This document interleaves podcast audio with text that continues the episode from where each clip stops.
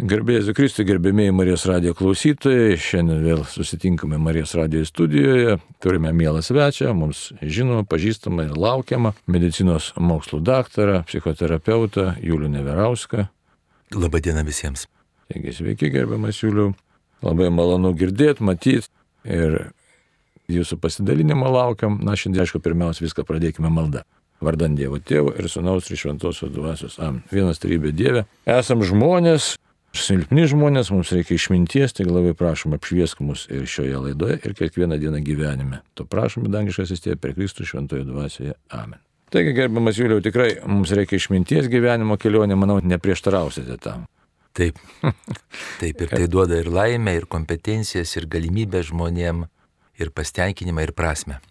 Na ir dabar tokia, gal šiek tiek ir kasdieniška, kita vertus ir tokia nekasdieniška tema, man tai tenka neretai žmonių išgirsti tokius, sakysime, net ir savotiškai priekaištą tikėjimo atžvilgių, bažnyčios atžvilgių, savęs pačių atžvilgių, dabar koks tas būtų, sakysim, toks kompleksinis kalbėjimas, sako. Tai ką aš eisiu į tą bažnyčią, taip jaučiuosi prastai, jaučiuosi dėl visko kaltas gyvenime. Ir dar čia prieš mišes reikia sakyti kaltas, kaltas, kaltas, nieko negaliu pasidžiaugti, tiesiog visur kaltę jaučiu, Tai tos tiesiog kalties jutimas, kas čia vyksta, nes ta kaltė, nu tai ne visą laiką mes esam kalti. Ir tikrai ne visą laiką kalti mes esame. Bet tos kalties skirtumai tokie yra. Žiūrėkit, yra dalis žmonių, kurie visą laiką save graužia ir kaltina absoliučiai už viską, net toks giluminis kalties pojūtis. Oras prastas, ar atsitiko gatvėje kažkas, net galėtume sakyti, ir čia nešaržuojant kalbą, iš tikrųjų realiai kalbu, kad žmonės turim tokių problemų, aš net ir užmečiu akį, sakysim, Siracido knygoje 21 skyrius 3 eilutė, žiūrėkit, šventas raštas ką sako. Kiekviena kaltė dviešmenis kalavijos jo žaizda nepagydoma, kuria prasme, kad taip giliai žaidžia tas kalties pojūtis žmogų, kad tu tikrai gali labai tiesiog nepatogiai gyventi. Tai kaltė su kažkuo dar toliau nesusijusiu, su savęs kažkokiu tai interpretavimu. Arba kita dalis žmonių, kurie kitus kaltina, dėl visko kaltina, kad aš nelaimingas ar nelaiminga, mano gyvenimas nenusisekė todėl, kad ir ten taip toliau ir taip toliau. Jeigu būtų buvę gyvenime kitaip, tai jeigu mano ten mama ar tėtis, ar ten vyras, ar žmona, ar ten e, mokytojai būtų buvę kitokie ir taip toliau. Na ir žodžiu, pastovus, pastovus kaltinimas, tai oras netoks ir panašiai. Kas čia vyksta iš tikrųjų ir kaip atskirti ir ką pamatyti, kaip jūs kaip profesionalas, ką galėtumėte, nu, tiesiog mums patarti ir, ir kad tai nesipjautų Net ir tikinčiam žmogui dabar tavęs matant, tai tiesiog, nu tai ką, kur bėgti, ar čia iš vis tikėjimą mesti, ar keisti tikėjimą, ar čia kažkokie kiti dalykai vyksta. Jokių būdų ne. Pradėkim nuo jūsų klausimo pradžios apie tai, kad žmonės vengia skausmo, vengia diskomforto, vengia pajausti tai, ką jie vadina neigiamom emocijom. Iš tikrųjų nėra jokių neigiamų emocijų, ir kaltė, ir gėda, ir nerimas, ir baimė, jos nėra neigiamos emocijos, jos yra mūsų atsakas į mūsų kažkokias tai mintis, į kažkokią tai situaciją.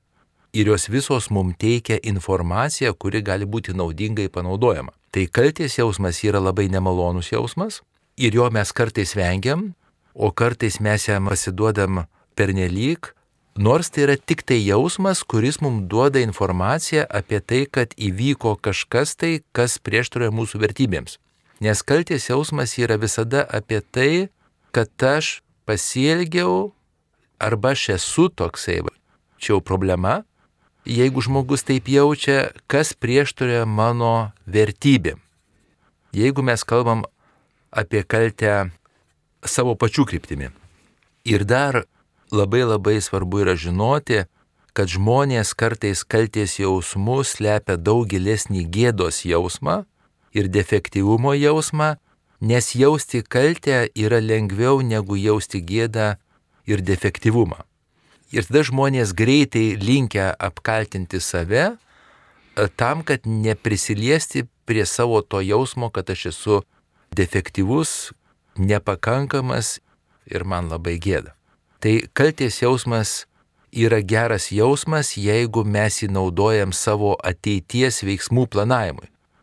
Ir kalbant apie bažnyčią, tai aš irgi manau, kad nėra tikslas, kad žmogus įeitų į tą būseną ir šitą būseną jį kažkaip tai kaustytų ir slopintų, bet šitas jausmas motivuotų jį elgtis atitinkamai savo vertybėms. Tai jeigu mes kalties jausmą jaučiam tam, kad pasikeistumėm, kad keistumėm savo elgesį, galbūt savo planus kažkokius, tai savo įstikinimus ir savo taisyklės, ir jos atitiktų mūsų vertybėms, kalties jausmas gali būti labai labai naudingas. Bet tai ta prasme naudingas, kai tu žinai, kad ką konkrečiai netai padarėjai. Čia jūs labai palėtėt labai labai svarbę temą ir jau savo anam klausime, tai jeigu žmogus jaučiasi kaltas dėl to, kad jis yra, tai dažniausiai šitas kalties jausmas yra įdėktas jiem ankstyvoji vaikystėje, iš artimųjų, iš mamos ir tėčio, kurie nepatvirtino vaiko savivertės.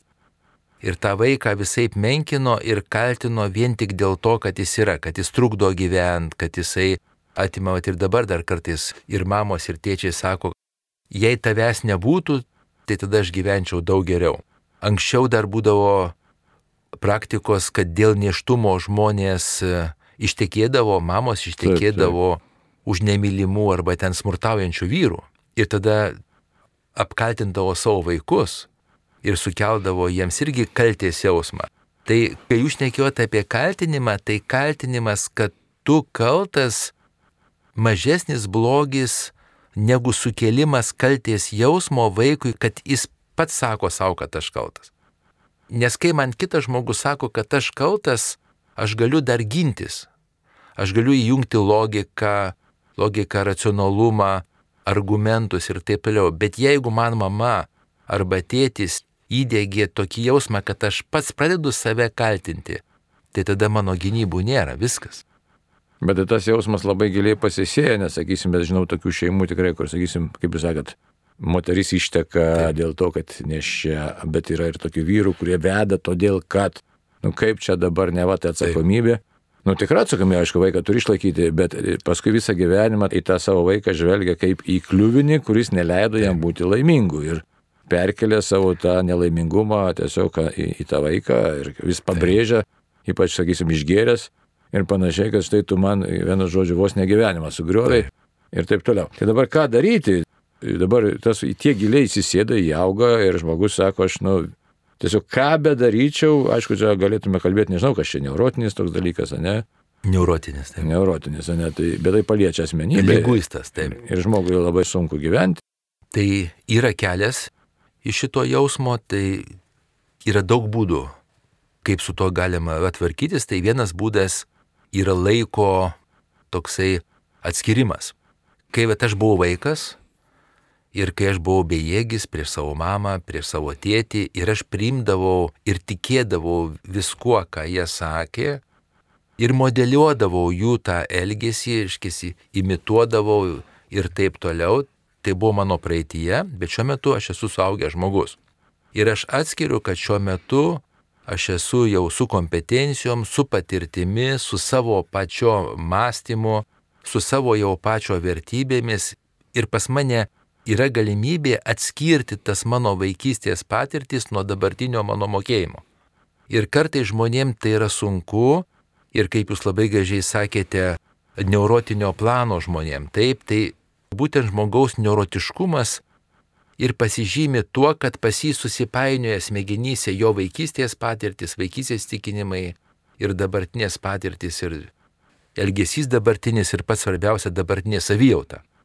Pas tą žmogų vaikystės patirtis jam sukelia dabartinę savijautą situacijose, kurios jos smegenim jam primena kažkokią tai buvusią patirtį.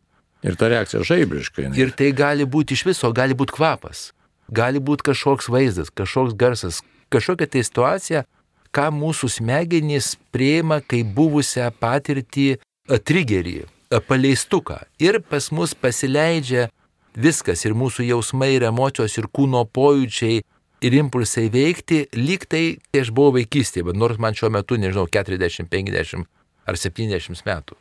Bet tai čia ilgus įdomus dalykas, ne vien tai, kad, nu, kaltas aš, ne, kaltas, nekaltas. Kartais žmonės sako, atsikeliu iš ryto ir jaučiuosi kaltas, kad tiesiog Taip. egzistuoju, net tur tokių tenka girdėti pasakymų. Kitas dalykas, bet kadangi esu kaltas, tai žmogus negali džiaugtis, jis jaučiasi kažkoks kitoks ir prastesnis už kitus. O čia jūs labai gerai vėl palėtėte, tai jeigu žmogus atsikėlęs ryte jaučiasi kaltas, tai iš tikrųjų jis jaučiasi nekaltas, bet jis jaučiasi defektyvus ir nepakankamas. Jis tik tai tą jausmą savo vadina kalties jausmu, nes tai yra lengviau. Nes Lengviau pas- kuria prasme. Tam žmogui nesjaustis kaltu yra lengviau, nes aš dar galiu kažką tai keisti, bet jeigu aš esu defektyvus gilumoje savo, Ką tai reiškia defektyvus? nepakankamas, blogai sukurtas, blogai sukurtas, aš kažkoks tai netitinkantis šio žemės standartų, netinkantis žmonių standartų O, žmo, a, aplinkinių, ir savo jo. paties standartų, ir net sakyčiau gamtos ir gal net ir Dievo standartus. Manat? Nes aš įtariu, kad pas šituos žmonės net nėra vagilaus labai na, pajūtimo, to tokio krikščioniško matymo, kad Dievas mane myli. Iš principo jie netiki šituo. Nes jie mano, arba jiem įdėkta vaikystėje, kad aš esu toks, kad niekas manęs nemyli, Arba Nes tą- manęs Aha. mama nemylėjo, mano tėtis nemylėjo, mano tenais kiti, tai reiškia, nieks manęs nemyli, įskaitant ir aukštesnės taip. Ir turiu tą meilę kažkokiu būdu nusipelnyti, ne? Kažkas panašaus. Jo, bet čia yra dar, žinokit, dar kas yra blogai, nes aš labai stengiuosi, stengiuosi nusipelnyti, bet man niekaip nesiseka, nes man žmonės sako, kad aš ten ir pasiekiau kažką ir padariau gerai, bet pas mane vis tiek, vis tiek ten giliai glūdi tas jausmas, kad aš esu nepakankamas. O tas toks žodis nepakankamas, jisai būdingas šitiems žmonėms. Bet tai tas pažadina ir nerima giluminį. Tai daugiau ir nerima, čia žiūrint kam?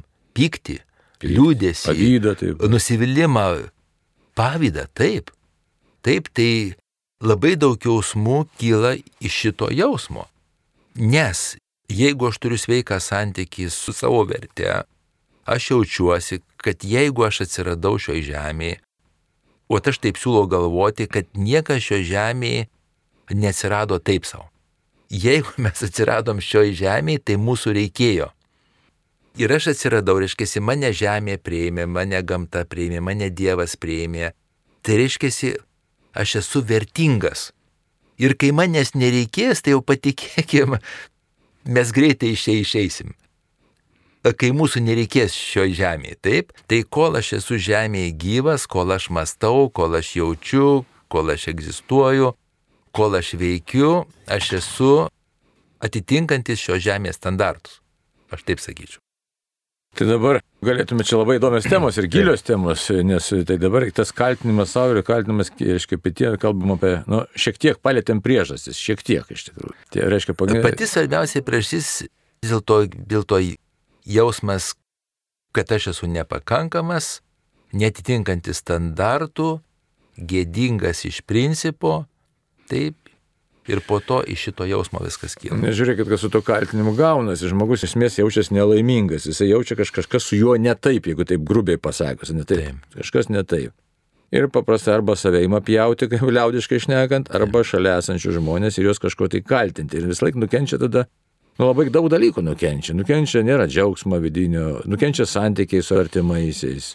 Na, nes kiek gali su tokiu žmogum, kuris visko ne, kažkaip nepatenkintas save laiko iškoti arba kitus kaltina. Tai čia dabar būtų daug klausimų, iš tikrųjų norėtųsi, aš žinau, kiek mes čia suspėsim tų klausimų atsakyti ir pagvildenti.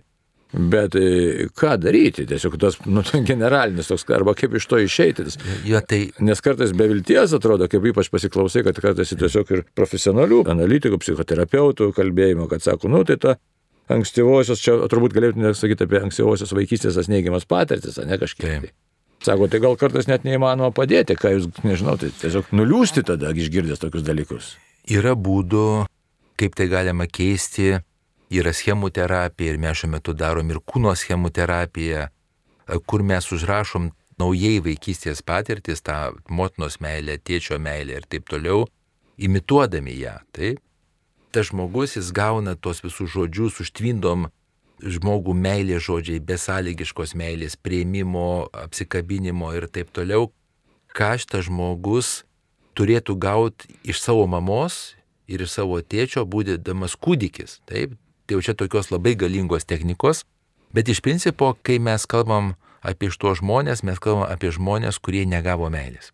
Besąlygiškos meilės. Kaip Besąlygiškos kažkada ir meilės. laidą kalbėjom, kad tie penki principai Taip. nebuvo įgyvendinti. Besąlygiška meilė yra būtina sąlyga, jeigu mes norim nebūti ir nesijausti nepakankamais, defektyviais ir gėdingais. Tai jeigu mes šito nesam patyrę, tai pas mus nėra tikėjimo, kad mus kas nors gali mylėti ir net kai mes kažką tai gaunam iš kitų žmonių, kažkokią meilę, ar tenais romantinę meilę, ar ten kažkokią tai socialinę meilę, kad mus vertina kiti žmonės, mes netikim gilumoje šituo tada kyla pasipriešinimas, piktis, gynyba, ten gali būti ir kaltinimas ir kitam žmogui ir taip toliau, tai aš jau bent siūlau, kiek galime atsiverti patiems pradėti mylėti kitus žmonės, kiek galime mokytis mylėti. Ir tai turbūt, nėra lengvas dalykas, taip, tai yra taip. labai sunkus dalykas, labai sunkus. Nes ne mes iš kur mes mokėsim mylėti. Bet tai šitas būtų tiesiog, dabar toks, nu, gal provokuojantis klausimas, bet toks labai rimtas man staiga kyla. Žiūrėk, kaip įdomu tam. Žmogui jis jaučiasi prastai, jis jaučiasi kaltas, iš esmės gilumoje, kaip jūs jau įvardinot, jaučiasi defektyvus, tai yra nepakankamas. Ir štai dabar tokiam žmogui, ar kuningas, ar psichoterapeutas sako, klausyk, bičiuli, pradėk mokytis mylėti kitus žmonės. Tai jisai sako, žiūrėk, manęs niekas nemyli. Aš jaučiuosi sutriptas, nereikalingas ir dar suras galbūt, reiškia, tikrų ir netikrų argumentų, nes gali ir tikrų rasti argumentų. Štai manęs nemylėjo mama, tėtis, taip toliau. Bet kita vertus, kadangi tas jau pasaulis matomas per tokius nemailės sakinius, tai ir to, kai tave myli, irgi nematai. Ir tada tam žmogui tas pasakymas, štai žmogau mokykis mylėti, jis tiesiog gali nuskambėti kaip pasityčiajimas iš pradžių.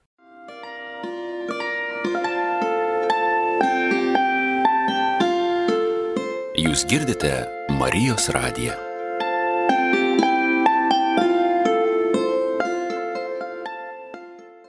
aš pateiksiu vieną būdą arba vieną techniką, kaip tai galima siekti.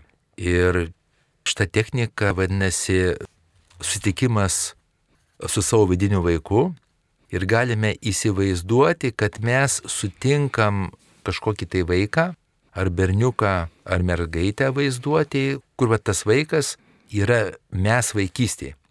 Arba mažas berniukas mano atveju ir jūsų atveju, arba mažoji mergaitė keletos metų, taip, bet jeigu moteris daro šią praktiką. Ir tada galim įsivaizduoti, kad šitas vaikas yra nuskriaustas, jisai liūdį, jisai verkia, jis yra pažeistas ir taip toliau. Tai kaip mes elgsime su šituo vaiku? Ir čia puikia praktika yra, kaip mes jį apsikabinsim, atsitūpsim, paglostysim, pradėsim kalbinti, Ir tada mes pradėsim rūpintis šituo pažeistu vaiku savo viduje. Tai jeigu mes kalbam apie meilę kitiems žmonėms, tai mes turėtumėm pradėti mokyti juos mylėti savo vidinį vaiką, savo vidinį berniuką ir savo vidinę mergaitę.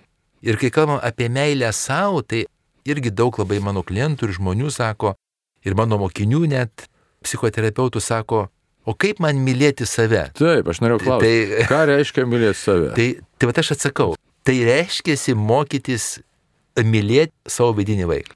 Nu, bet palauk, mylėti vidinį, tai ką jam parodyti dėmesį ar su šiluma? Pradėti rūpinti savo vidiniu vaiku, tai šnekėti su juo taip, kaip šnekėtumėm su pažeistu vaiku, apgaupti į šilumą, o taip kaip apgautumėm tą vaiką, įsivaizduot, kad mūsų viduje yra vaikas, arba kam sunku įsivaizduot, kad va čia va yra šalia mūsų, aš vaikystėje ir padėti žiūrėti tą vaiką su meilė, su šilumu, su rūpešiu, su atjauta, su empatija. Ir tada mokytis tokio elgesio būdo, būti švelniem tam vaikui. Ir tada mes išmoksim po truputį, ne iš karto, daug kartų praktikuodami mes išmoksim švelniai rūpestingai elgtis su savo vidiniu vaiku ir tada su kitų žmonių vidiniais vaikais. Bet man atrodo sukonkretinti, nes dar vieną matau tokią rimtą problemą.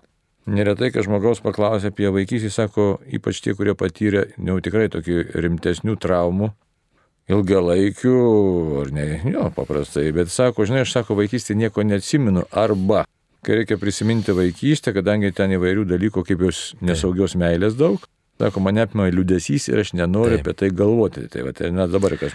Tai pažįstamas reikalas. Tai kaip šitą įveikti ir kaip to kokia galėtų būti praktika? Jūs sakote tiesą, daug žmonių užkerta kelią, va šitos būsenos užkerta kelią mokytis mylėti save. Tai atsakymas yra toks, kad šitą reikia daryti su tais, kurie moka daryti specialistai, šiuo atveju schemų terapeutai, va, ką būtent mes darom, ir mes padarom tą saugią vietą, atmosferą saugią, saugias praktikas labai, kad va šito žmogaus gynybos jos mažėja ir šitas žmogus pradeda mokytis kalbėti su tuo vidiniu vaiku. Arba savyje, arba kitame.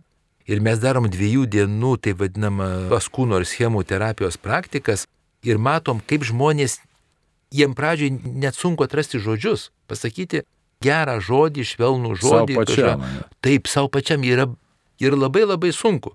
Bet per dvi dienas, kai tą darom nuolat, ištisai panyra žmonės į šią praktiką ir po truputį mokosi ir labai labai smagu matyti, kaip gerėja kompetencijos.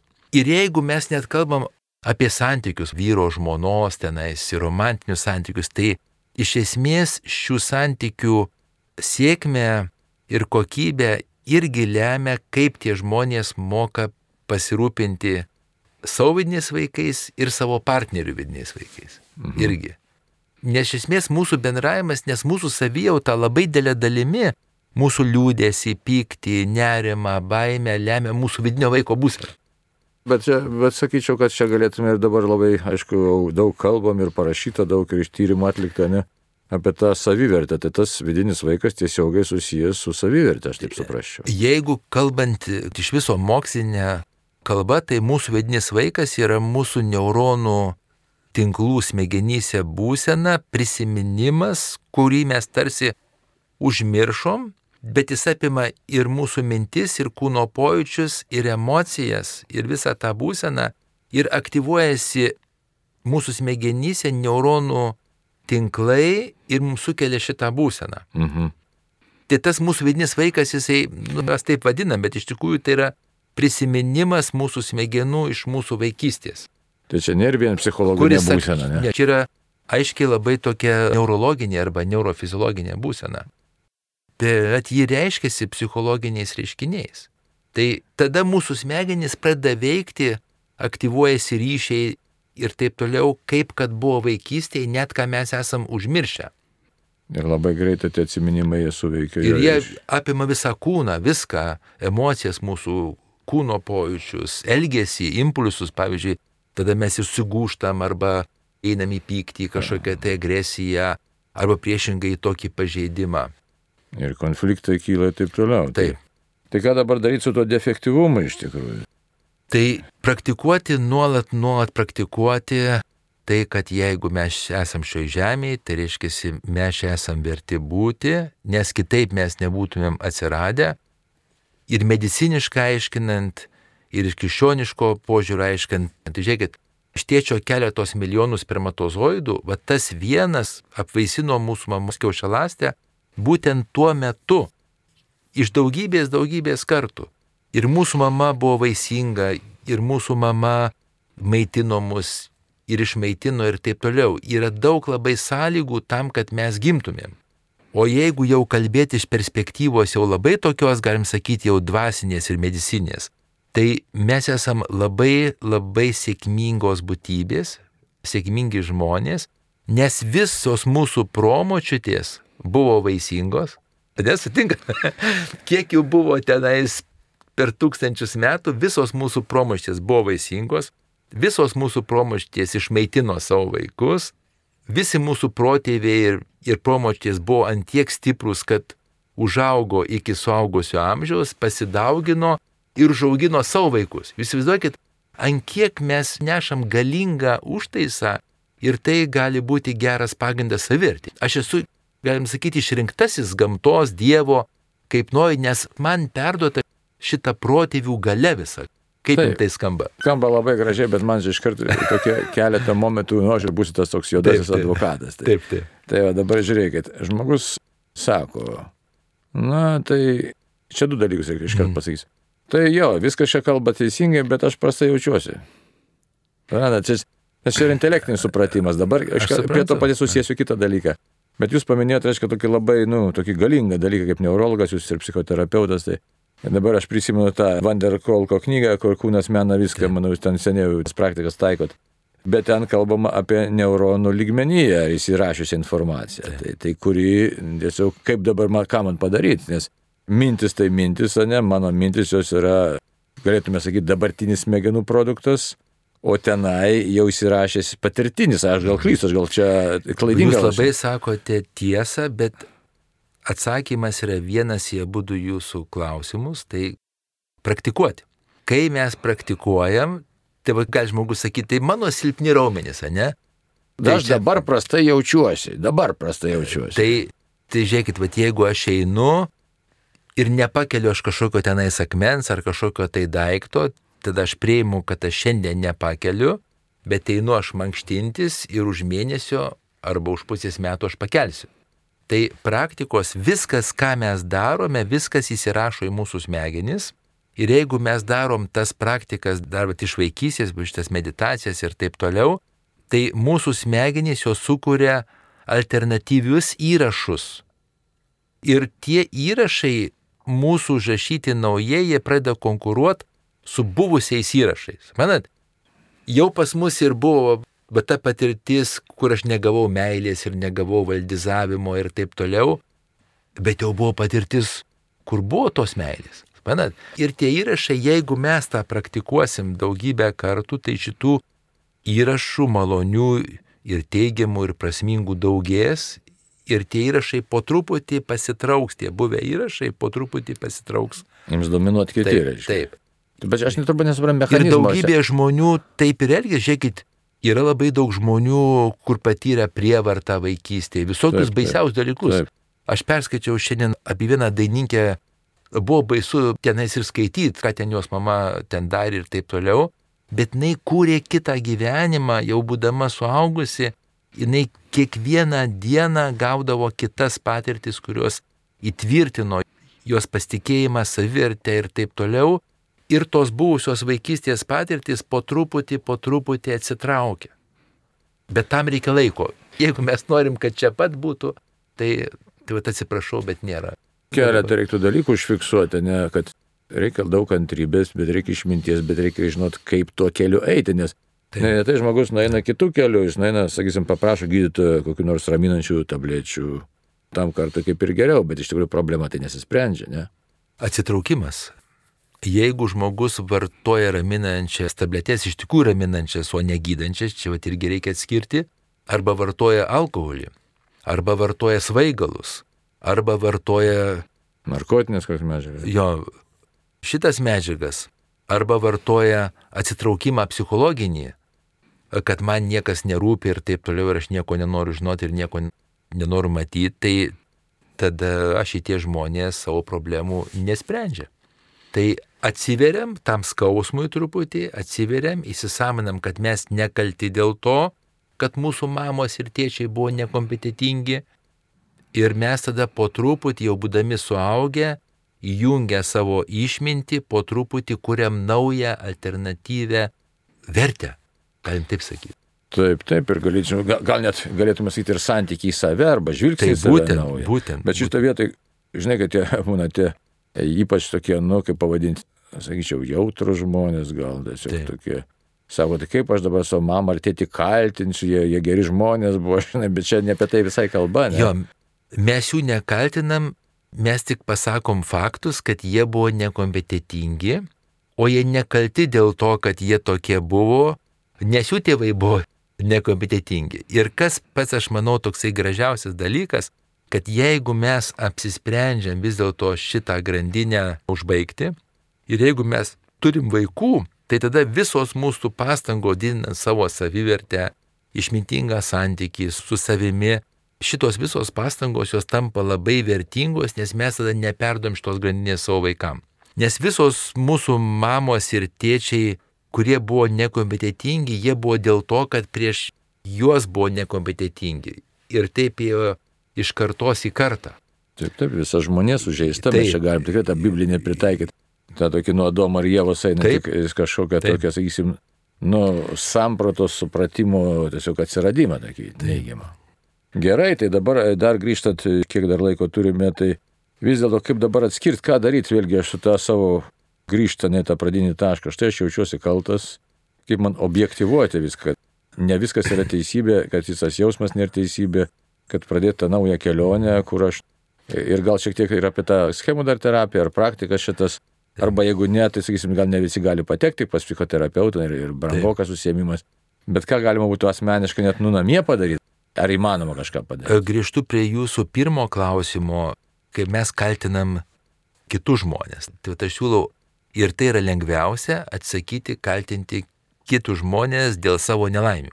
Ar tai būtų mūsų mamos, ar tai būtų mūsų tėčiai, ar tai būtų, nežinau, tenai Seimo nariai, ar dar kažkas tai, bet jeigu mes norim praktikuoti išmintį, tai mes atsisakom kaltinimo, mes prieimam faktus, atskiriam kaltę ir atsakomybę ir mes apsisprendžiam dėti pastangas į savęs tobulinimą, auginimą ir savo geresnio gyvenimo kūrimą.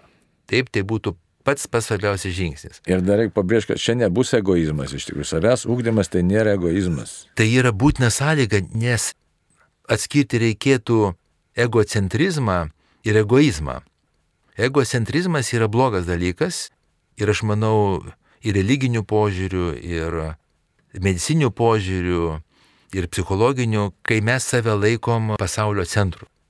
Tai taip nėra, bet toks veikas egoizmas, kad mes norim padėti savo tam, kad mes galėtumėm padėti ir kitiem, tai čia yra sveikas požiūris. Ne kitų sąskaitą mes norim savo padėti, bet tiesiog padėti. Tam, kad mes galėtumėm funkcionuoti šioje žemėje normaliai. Tai mes turim pasirūpinti savimi, ne?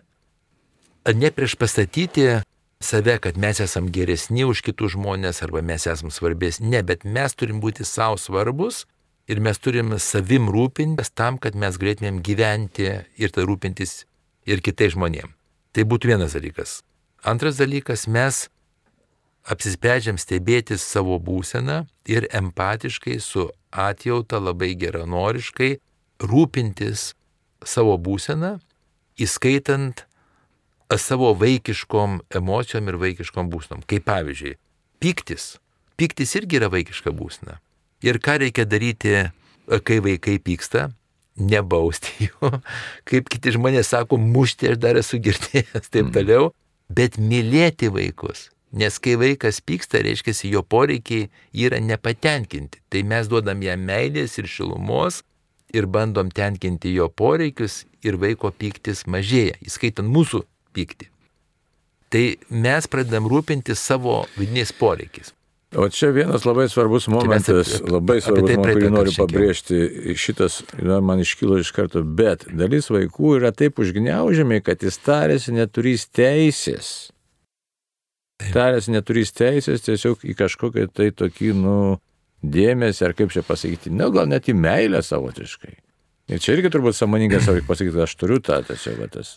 Taip, tai jeigu mes jau esam suaugusiu amžiui, tai mes tai įjungiam savo protą ir savo išmintį ir atskiriam, kad man ta mama ir mano tėtis taip į mano galvą bandė įkalti, dėl to, kad patys buvo pažeisti, taip, bet šiuo metu aš atsisakau žaisti jų žaidimą. Aš, aš atsisakau, aš atsisakau, aš jau noriu savo gyvenimą gyventi, o ne savo mamos, va čia manau labai labai svarbus dalykas atsisakau gyventi savo mamos ir savo tėčio gyvenimus.